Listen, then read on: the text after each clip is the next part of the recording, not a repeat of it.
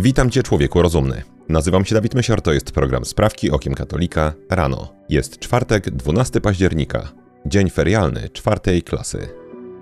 Wszystkie sprawy nasze prosimy Cię, Panie, natchnieniem Twoim uprzedzaj, a pomocą wspieraj, aby wszelka modlitwa i praca nasza od Ciebie się poczynała i przez Ciebie się kończyła. Przez Chrystusa, Pana naszego. Amen. Dania. Odszkodowania żądają kobiety, które w młodości zmuszane były przez duński rząd do antykoncepcji. W latach 1966-1970 duński rząd założył niemal 5 tysiącom grenlandzkich kobiet wkładki domaciczne, często bez ich zgody, a nawet wiedzy. W ten sposób duńskie władze chciały ograniczyć rosnącą w szybkim tempie inuicką populację Grenlandii. Dodatkowym problemem jest to, że lekarze używali tylko jednego rozmiaru wkładki, za dużego dla młodych dziewcząt, co powodowało komplikacje zdrowotne. Obecnie odszkodowania od rządu Danii domaga się 67 kobiet. Ich zdaniem pierwszym krokiem wiodącym do uzdrowienia będzie uznanie przez rząd, że kobiety zostały skrzywdzone. Duńskie władze nigdy nie odniosły się do przeprowadzonego przez nie programu przymusowej antykoncepcji. Niemcy. Rząd federalny chce zmusić studentów medycyny do wykonywania aborcji. Zabicie nienarodzonego dziecka miałoby stać się obowiązkową częścią studiów medycznych i dotyczyłoby wszystkich studentów, niezależnie od tego, jaką specjalizację chcieliby w przyszłości wybrać. Jest to o tyle zastanawiające, że na studiach medycznych w Niemczech nie uczy się konkretnych interwencji medycznych. Następuje to dopiero na etapie specjalizacji. Jednak niemiecki rząd chce, by każdy, kto w przyszłości byłby na przykład ortopedą czy pediatrą, podczas studiów zabił co najmniej jedno dziecko. Jednym z efektów tego barbarzyńskiego prawa będzie to, że żaden lekarz nie będzie mógł odmówić zabicia dziecka, powołując się na brak specjalistycznej wiedzy. Wszyscy obowiązkowo mają mieć taką specjalistyczną wiedzę. To doprowadziłoby do faktycznego zniesienia klauzuli sumienia. Zamykałoby także drogę do zawodu lekarza wszystkim katolikom i innym osobom, które nie chcą zabijać dzieci. Trzecia sprawka to krótka żywotów świętych, dawka. W najbliższą sobotę obchodzić będziemy wspomnienie świętego Kaliksta, papieża i męczennika. Był on szesnastym papieżem. Panował w latach 218-222. Początkowo był niewolnikiem, któremu właściciel, chrześcijanin, zlecił prowadzenie banku z pieniędzmi innych chrześcijan. Bank upadł, a Kalikst, bojąc się, że zostanie oskarżony o kradzież, uciekł z Rzymu. Jego pan chciał go zabić, jednak wierzyciele poprosili o darowanie mu życia, gdyż liczyli na odzyskanie rzekomo skradzionych pieniędzy. Następnie Kalikst po wdaniu się w bójkę w synagodze trafił za karę na roboty do kopalni na Sardynii. W tamtym czasie uwalniano chrześcijan wskazanych przez papieża. Kalikstowi udało się opuścić więzienie, mimo że nie było go na liście osób do zwolnienia. Papież Zefiryn wezwał Kaliksta do Rzymu i mianował go archidiakonem, doradcą i zarządcą katakumb. Po śmierci Zefiryna Kalikst został jego następcą. Jako papież zezwolił na odpuszczanie grzechów ciężkich, na małżeństwa między wolnymi a niewolnikami oraz na przyjmowanie schizmatyków do kościoła bez konieczności pokuty. Ustanowił także suche dni, czyli trzy dni pokuty i postu w środę, piątek i sobotę, raz na kwartał. Papież Kalikst poniósł męczeńską śmierć 14 października 222 roku w Rzymie. Jest patronem pracowników cmentarzy.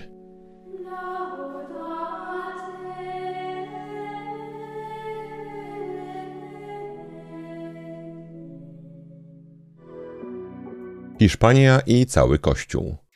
Argentyńska zakonnica siostra Lucia Karam, bliska przyjaciółka papieża Franciszka, zasugerowała w hiszpańskiej telewizji, że jeden z wysoko postawionych watykańskich urzędników jest homoseksualistą.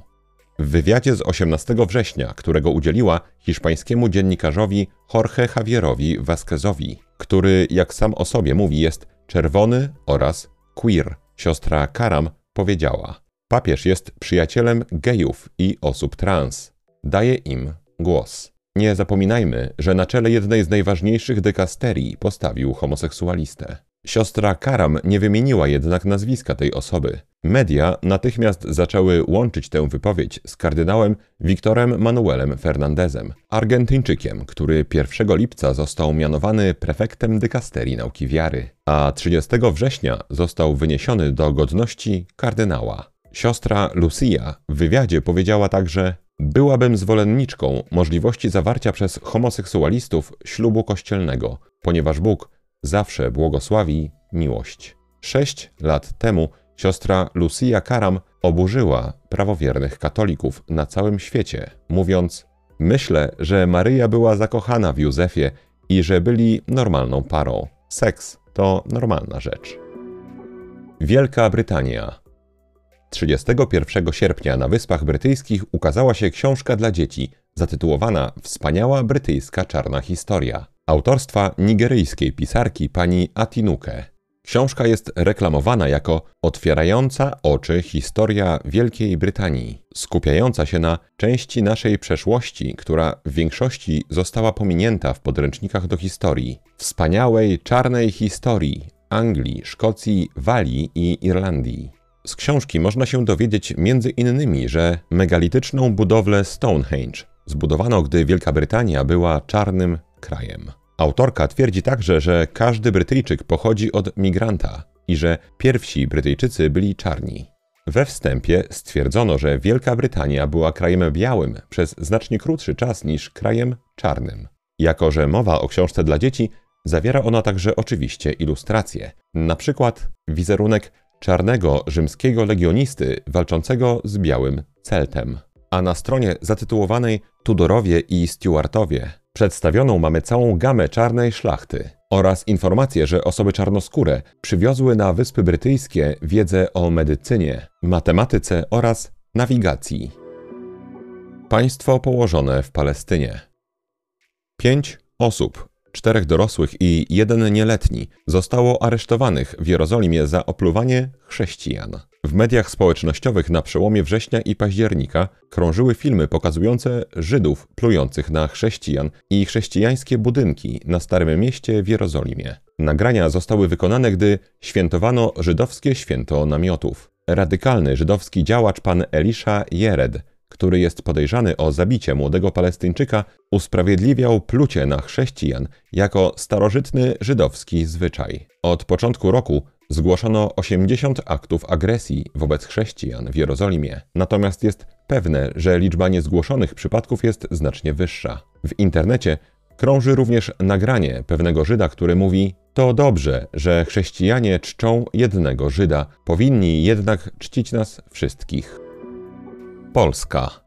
Polski rząd złożył zastrzeżenia do umowy partnerskiej między Unią Europejską a członkami Organizacji Państw Afryki, Karaibów i Pacyfiku. Jednym z obszarów objętych umową są demokracja i tzw. Tak prawa człowieka. Rząd w specjalnym oświadczeniu podkreślił, że umowa nie spełnia oczekiwań polskiej strony. Chodzi m.in. o używanie pojęcia gender. Przedstawiciele polskiego rządu napisali również, że aborcja nie jest prawem człowieka jest natomiast formą odebrania prawa do życia oraz że Polska rozumie przez pojęcie praw reprodukcyjnych wyłącznie działania mogące zmierzać do bezpośredniego wsparcia i ratowania zdrowia oraz życia ludzkiego i dlatego sprzeciwia się wywodzeniu na jego podstawie aborcji i stosowania antykoncepcji jako form wspierania zdrowia, planowania rodziny czy gwarantowania praw człowieka.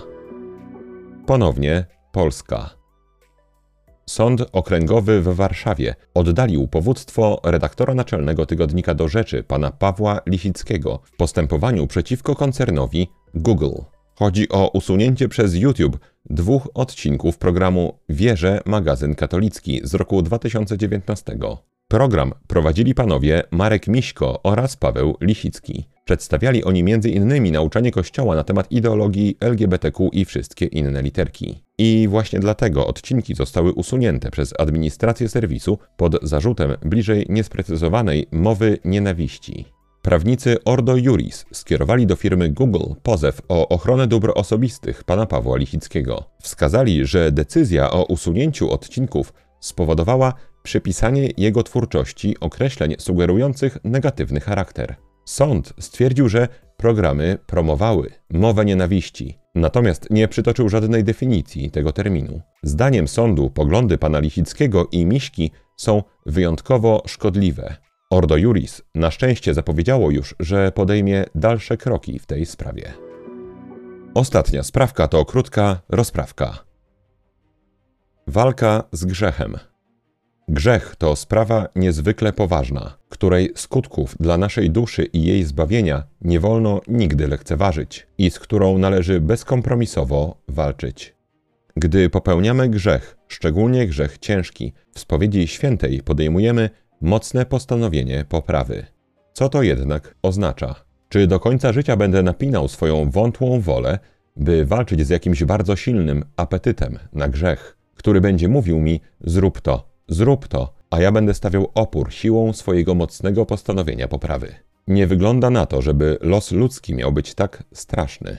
Z tego, co udało mi się na ten temat wyczytać, wygląda na to, że w krótkiej perspektywie tak właśnie ma to wyglądać. Mam walczyć z grzechem, czyli ze złym czynem i użyć rozumu do wyeliminowania w możliwie największym zakresie okazji do popełniania tego czynu. Ale w dłuższej perspektywie, oprócz walki z samym grzechem, wysiłki swoje mam skierować na walkę z apetytem na grzech. Ten apetyt na grzech, skłonność do niego nazywa się wadą. Właściwym, aktualnym złem jest grzech. Ale złem jest też to, co grzech poprzedza, czyli nasza skłonność do grzechu, nasza wada.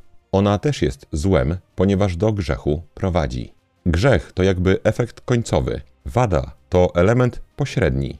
Podjęcie mocnego postanowienia poprawy jest więc nie tylko postanowieniem unikania efektu końcowego, ale też postanowieniem pracy nad złymi skłonnościami, czyli wadami.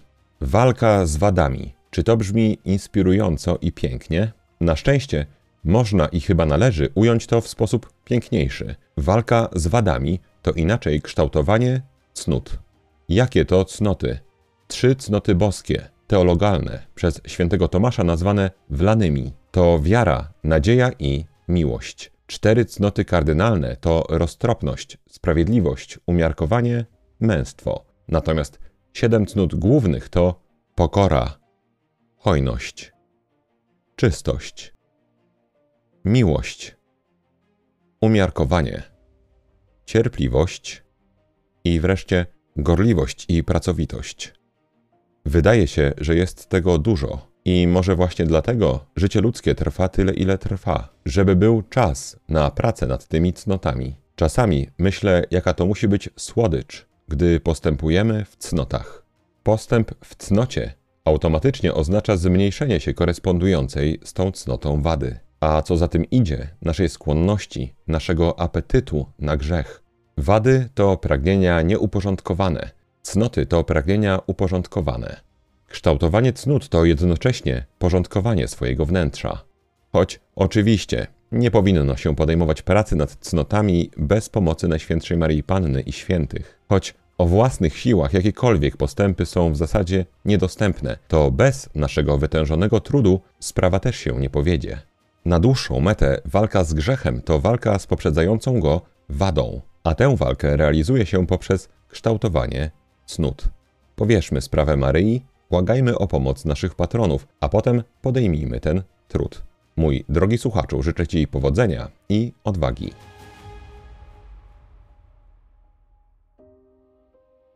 Maryjo, posłuż się mną dziś jak chcesz. Wykorzystaj mnie jak chcesz. Byle tylko choć jeden grzesznik zszedł z drogi zatracenia, poszedł do spowiedzi świętej i zwrócił się ku Panu Jezusowi. To na dzisiaj wszystkie sprawki okiem katolika rano. Jeżeli chcesz nam pomóc, daj proszę łapkę w górę pod tym filmem na YouTubie i napisz komentarz. Jeżeli chcesz wesprzeć zespół Sprawek Okiem Katolika najmniejszą chociaż kwotą, to szczegóły jak można to zrobić znajdują się w opisie tego filmu. Ośmielam się o to prosić tym bardziej, że piątkowy program sprawki, następnie poniedziałkowy, wtorkowy i środowy podcast oraz poniedziałkowy film Rewolucja w Kościele odcinek trzeci, wszystkie z niewyjaśnionego, zresztą jak zwykle przez YouTube, powodu zostały zdemonetyzowane. Wszystkim wspierającym bardzo, bardzo dziękujemy. Mój drogi słuchaczu, życzę Ci błogosławionego dnia. Święty Kalikście, módl się za nami. Człowieku rozumny, trzymaj się, nie łam się i bardzo Ci dziękuję za Twój czas. Mam nadzieję, że do usłyszenia jutro. Zostań z Panem Bogiem.